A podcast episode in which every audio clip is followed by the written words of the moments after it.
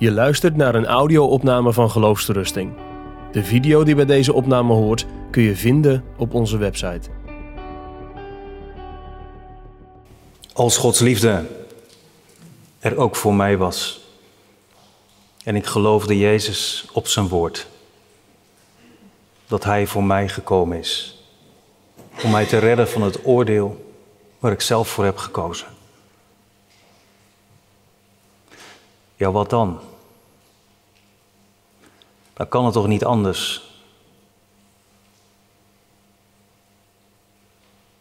Of die liefde die je eigen geworden is, zorgt ook voor verandering. Vroeger hoorde ik mijn opa spreken over dat is een veranderd mens. Die komt uit de Betuwe. Een veranderd mens. En als ik mij niet vergis, zijn er ook vanavond die daar best een paar dingen van kunnen vertellen. Hoe zo'n veranderd mens er dan uitziet. Ik zou zeggen, leg het eens naast wat Johannes schrijft.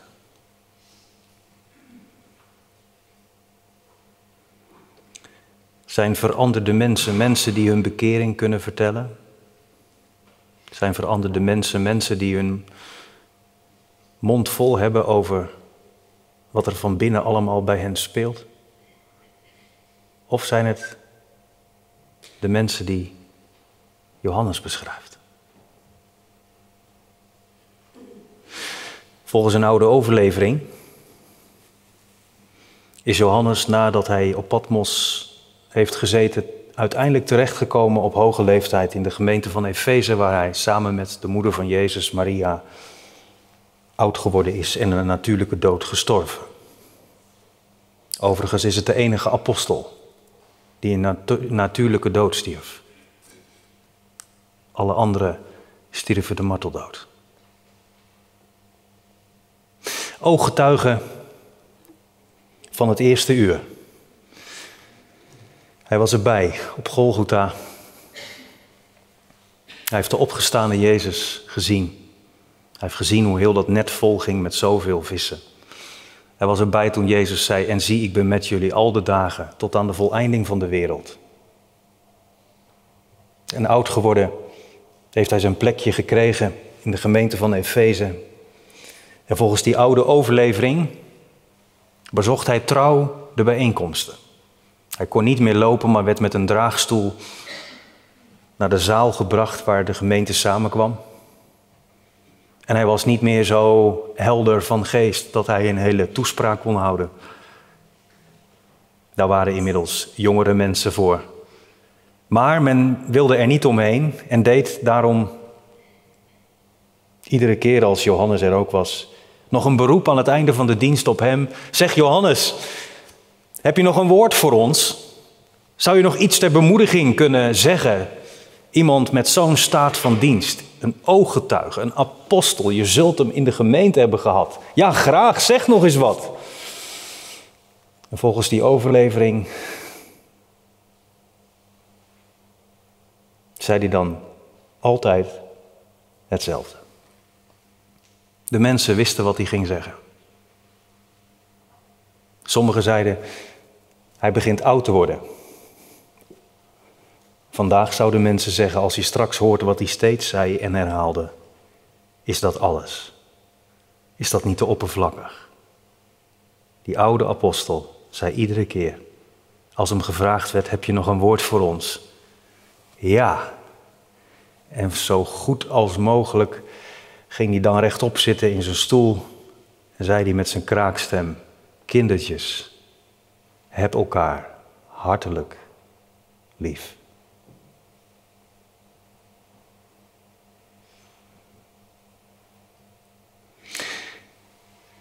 Kun je je voorstellen dat er mensen dan denken, is dat alles?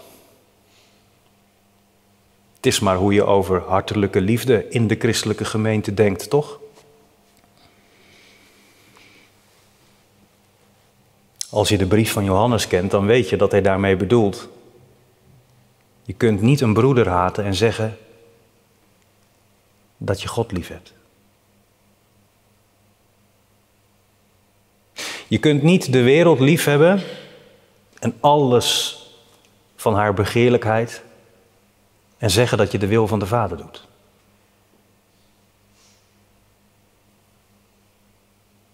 Je kunt niet zeggen dat je God lief hebt als uit je leven blijkt dat je heel bang bent. En dan niet vanwege een trauma, want dat is een hele andere orde. Maar dat je bang bent voor God en voor de dag van het oordeel. Dat is geen harde boodschap, maar is wel duidelijk. Dat zegt alles over wie God is. En ook over hoe veranderde mensen eruit zien. Dan draait alles om de liefde. Heel radicaal. Zo radicaal dat anderen misschien wel juist daarom zeggen: dat is te oppervlakkig. Het klinkt veel ernstiger en bewogener als je zegt: ja, maar een mens kan niet zomaar lief hebben. En we blijven tot onze laatste snik geneigd tot alle kwaad. Ja. Ook dat vind je in de Bijbel. Maar het een sluit het ander niet uit.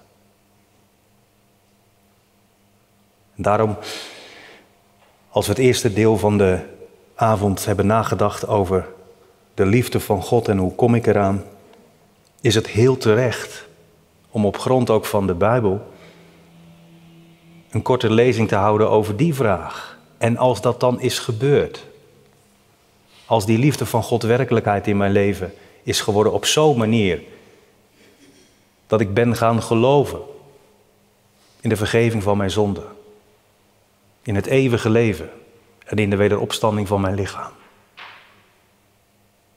Dan ziet dat er op een bepaalde manier ook uit. Dan zie je de vruchten. De liefde van God in ons. En nogmaals, het is niet slap, die boodschap. En het is al helemaal niet oppervlakkig. Want wat hebben we zojuist gelezen? Geliefde, als God ons dan zo lief heeft gehad, weet je nog?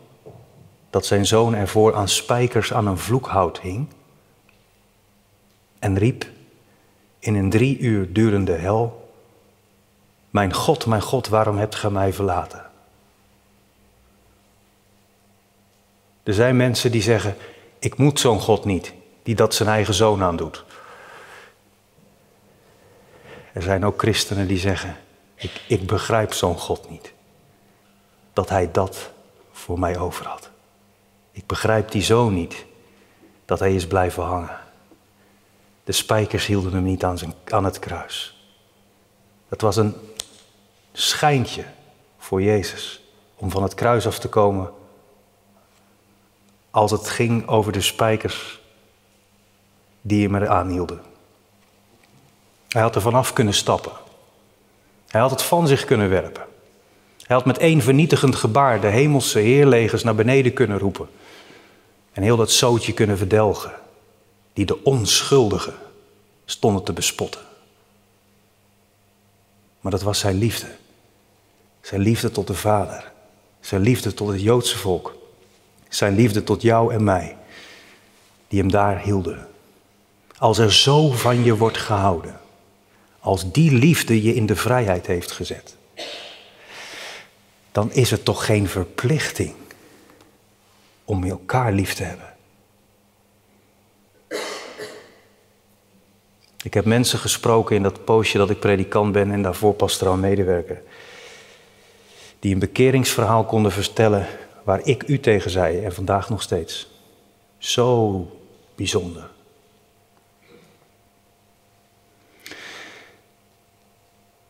Ze konden een preek beoordelen, mijn mond zakte ervan open, waar die mensen toch allemaal aan dachten.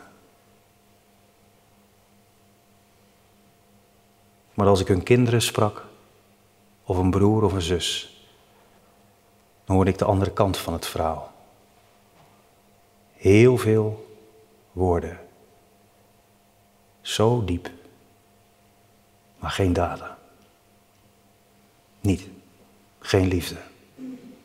Jacobus, de broer van Jezus, die ook een brief geschreven heeft, die noemt dat een doodgeloof.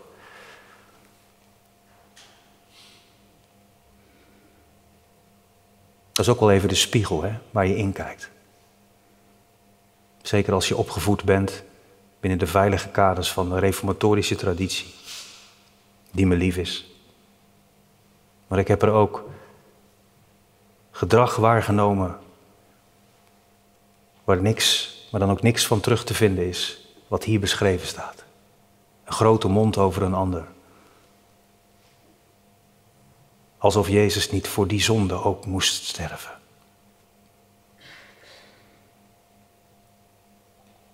De andere kant, dat maakt het zo teer, is dat God dus blijkbaar zo kwetsbaar is dat hij zijn liefde ook toevertrouwt aan zondaren. Johannes durft het aan om te zeggen in vers 11: Niemand heeft ooit God gezien. Dat heeft hij in het eerste hoofdstuk van zijn evangelie ook al gezegd. Niemand heeft ooit God gezien, maar de enige geboren zoon van de Vader, die onder ons getabernakeld heeft, die heeft hem ons uitgelegd.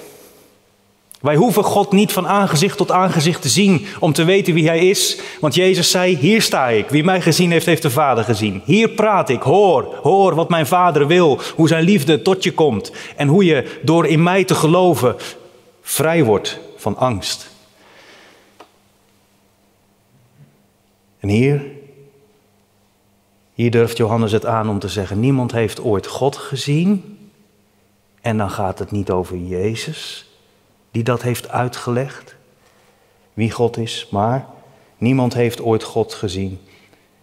Als wij elkaar lief hebben, zo blijft God in ons.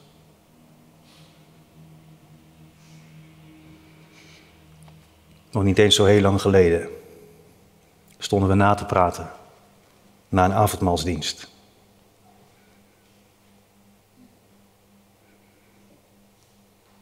En iemand die aangegaan was, zei tegen me: Dominee, nog nooit zo bewust als vanmorgen heb ik God gezien.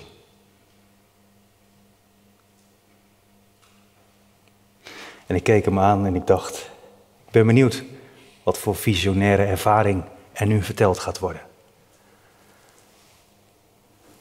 Maar die persoon zei, ik zag mijn broeders en mijn zusters, waarvan ik er sommige niet zelf zou hebben uitgekozen. Waarvan ik gewoon feitelijk misschien eerlijk moet zeggen, het zijn niet allemaal mijn vrienden. Ik kom niet allemaal bij ze over de vloer. Maar we zitten wel aan één tafel. Een liefde onderling die God toevertrouwt aan mensen. Dat is niet oppervlakkig hoor. Weet je wat oppervlakkig is? Allemaal een preek horen en zeggen: Dit is de waarheid en zo snel mogelijk naar huis crossen. Ik dacht dat het in de eerste Pinkstergemeente, afgezien van dat ze daar nog niet de voertuig hadden waar wij de beschikking over hebben, het er toch wel iets anders aan toe ging. Tijdens de maaltijd. Tijdens het samen bidden. Samen dingen verkopen om vanuit de grote pot te kunnen zorgen voor anderen. Allemaal dingen waar wij zouden kunnen zeggen, het lijkt leger de zeils wel. En waarvan denk ik Jezus zegt, ja, dat was ook de bedoeling. En waarvan Johannes zegt, kijk nou eens om je heen. Wat een troost. Die grote heilige God, wie zou hem kunnen zien en leven? Dat komt pas Straks, als ik een volmaakt lichaam heb.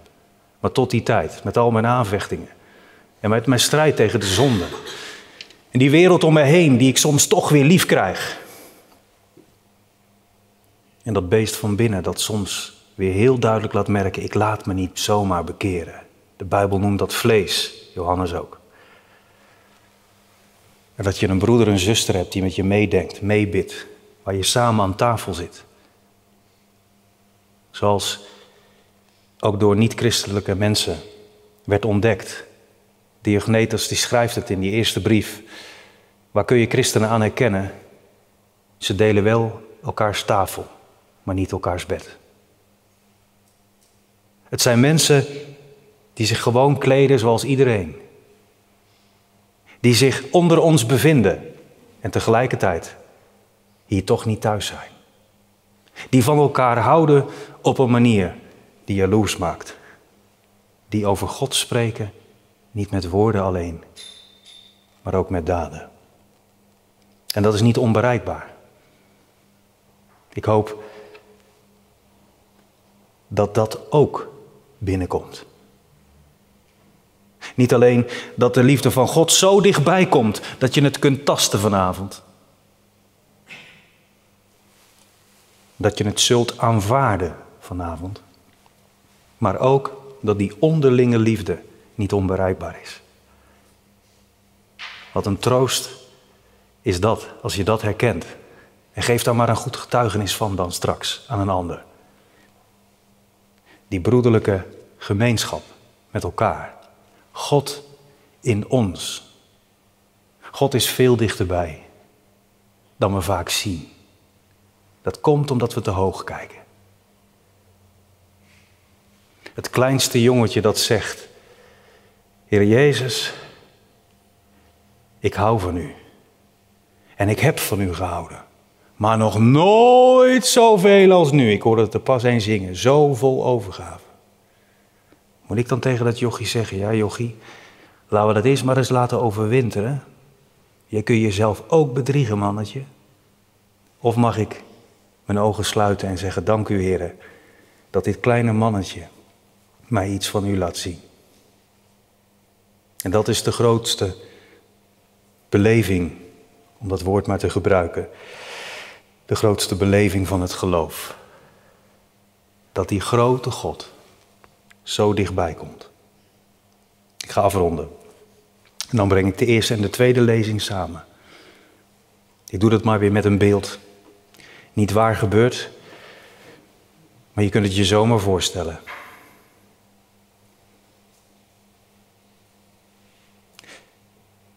Een hele groep mensen die een vaartocht maakt. Ze zijn gewaarschuwd Weet waar je aan begint. Als je niet kunt zwemmen, er kan altijd iets gebeuren. En voor het geval dat, als je niet kunt zwemmen en er gebeurt iets. Hier liggen de reddingsvesten. En daar hangen een paar reddingsboeien. Nou, goed gemutst gaan ze op stap, want het is mooi weer.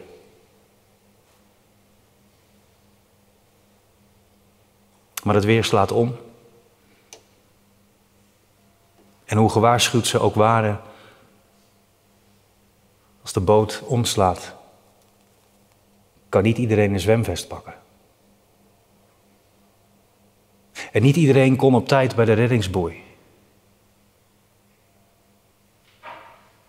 Gelukkig zijn ze niet ver van de kant. En ze proberen met alle macht om de veilige wal te bereiken. En dan staat daar ineens Eén man. En die man heeft een lijst. Een lijst meegekregen van de mensen die in die boot zaten. En hij begint namen te roepen. En zo gauw iemand ja zegt, springt hij in het water en haalt hij ze op. En het blijkt dat er een aantal mensen niet op die lijst staan. En ze ploeteren en ze ploeteren. Twee van hen komen ten nauwe nood aan de kant en vijf verdrinken. Omdat ze niet konden zwemmen. En niet op de lijst stonden. Ze hadden wel een redder die wilde springen, maar hij mocht niet, want hij kende hun naam niet. Ze konden geen ja zeggen, want hun naam werd niet genoemd. Is dat de boodschap van het evangelie? Al stond er een engel die zei dat het zo was, geloof het niet. De boodschap van het evangelie is dat Jezus is gesprongen. Dat Hij onze naam kent. Dat iedere keer als je die Bijbel leest, iedere keer als je de verkondiging van het evangelie hoort, dat je dat je zijn stem hoort die je naam noemt.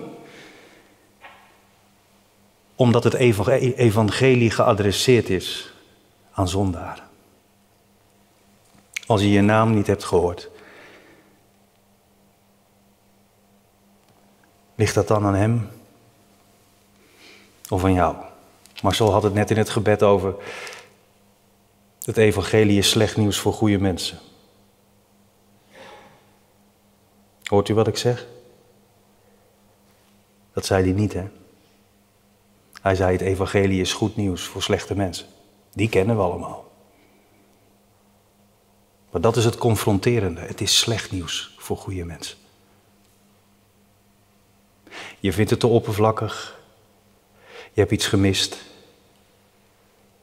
Maar juist voor mensen die zeggen: Ik mis alles.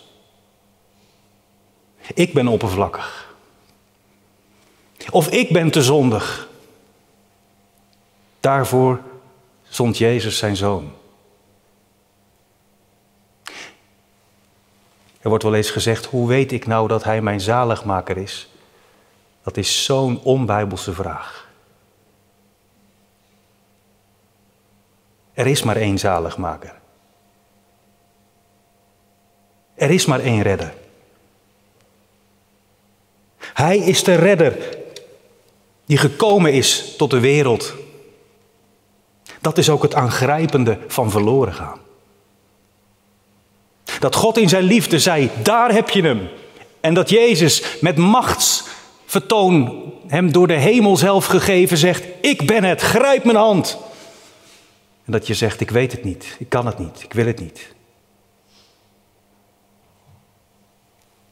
Het aangrijpende is.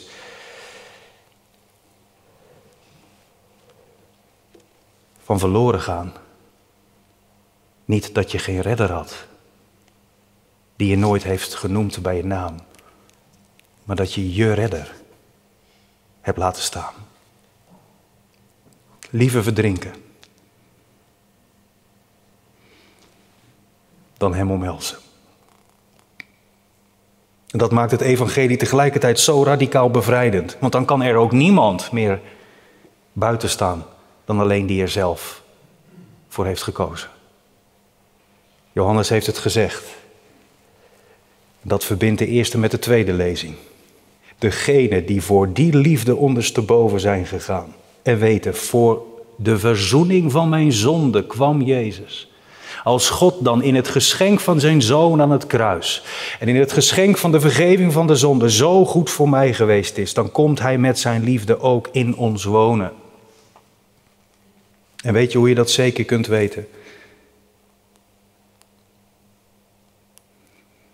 Doordat hij ons zijn geest gegeven heeft. De geest van Jezus die de vrucht met zich meebrengt. Zachtmoedigheid, wijsheid, geduld, liefde, volharding, barmhartigheid, goedheid. Zie je dat altijd bij jezelf? Nee. Maar met elkaar in de gemeente bij degene bij wie de geest intrek heeft genomen, heeft er maar één het voor het zeggen. En dat is Jezus. Die, zo heeft Johannes het geleerd, heeft gezegd: Ik ga met mijn liefde voor jullie tot het uiterste. En denk dan niet alleen aan wat hij deed aan het kruis, maar ook wat hij deed in de zaal u moet het nog maar eens nalezen. Met als titel Gods liefde ook in ons. Wat deed Jezus in de zaal? Johannes 13.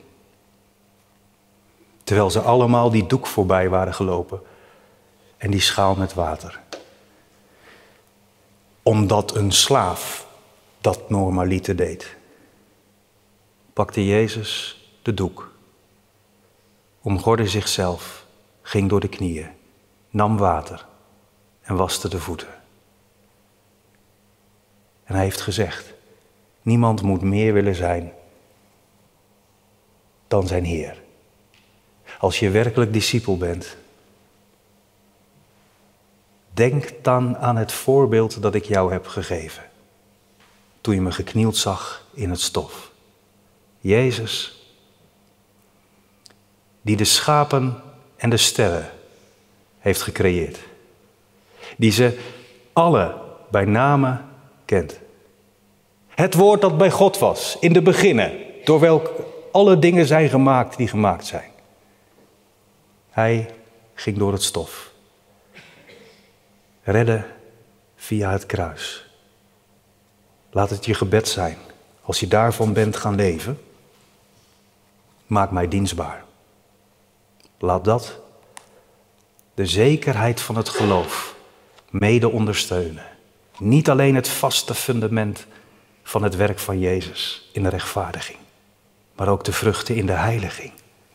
Wat een vreugde, wat een troost geeft dat. Als je meer en meer beseft dat Jezus straks als de boeken zijn opengegaan en hij neergekomen is op de olijfberg en er een oordeel zal worden uitgesproken, zegt, mijn kind, weet je waar ik op heb gelet? Bij alles wat je hebt geschreven, gesproken en gedaan. Ik heb maar op één ding gelet. Of je het voor mij hebt gedaan. Je luistert naar een podcast van Geloofsterusting. Wil je meer luisteren, lezen of bekijken? Steun dan ons werk en ga naar de website geloofsterusting.nl.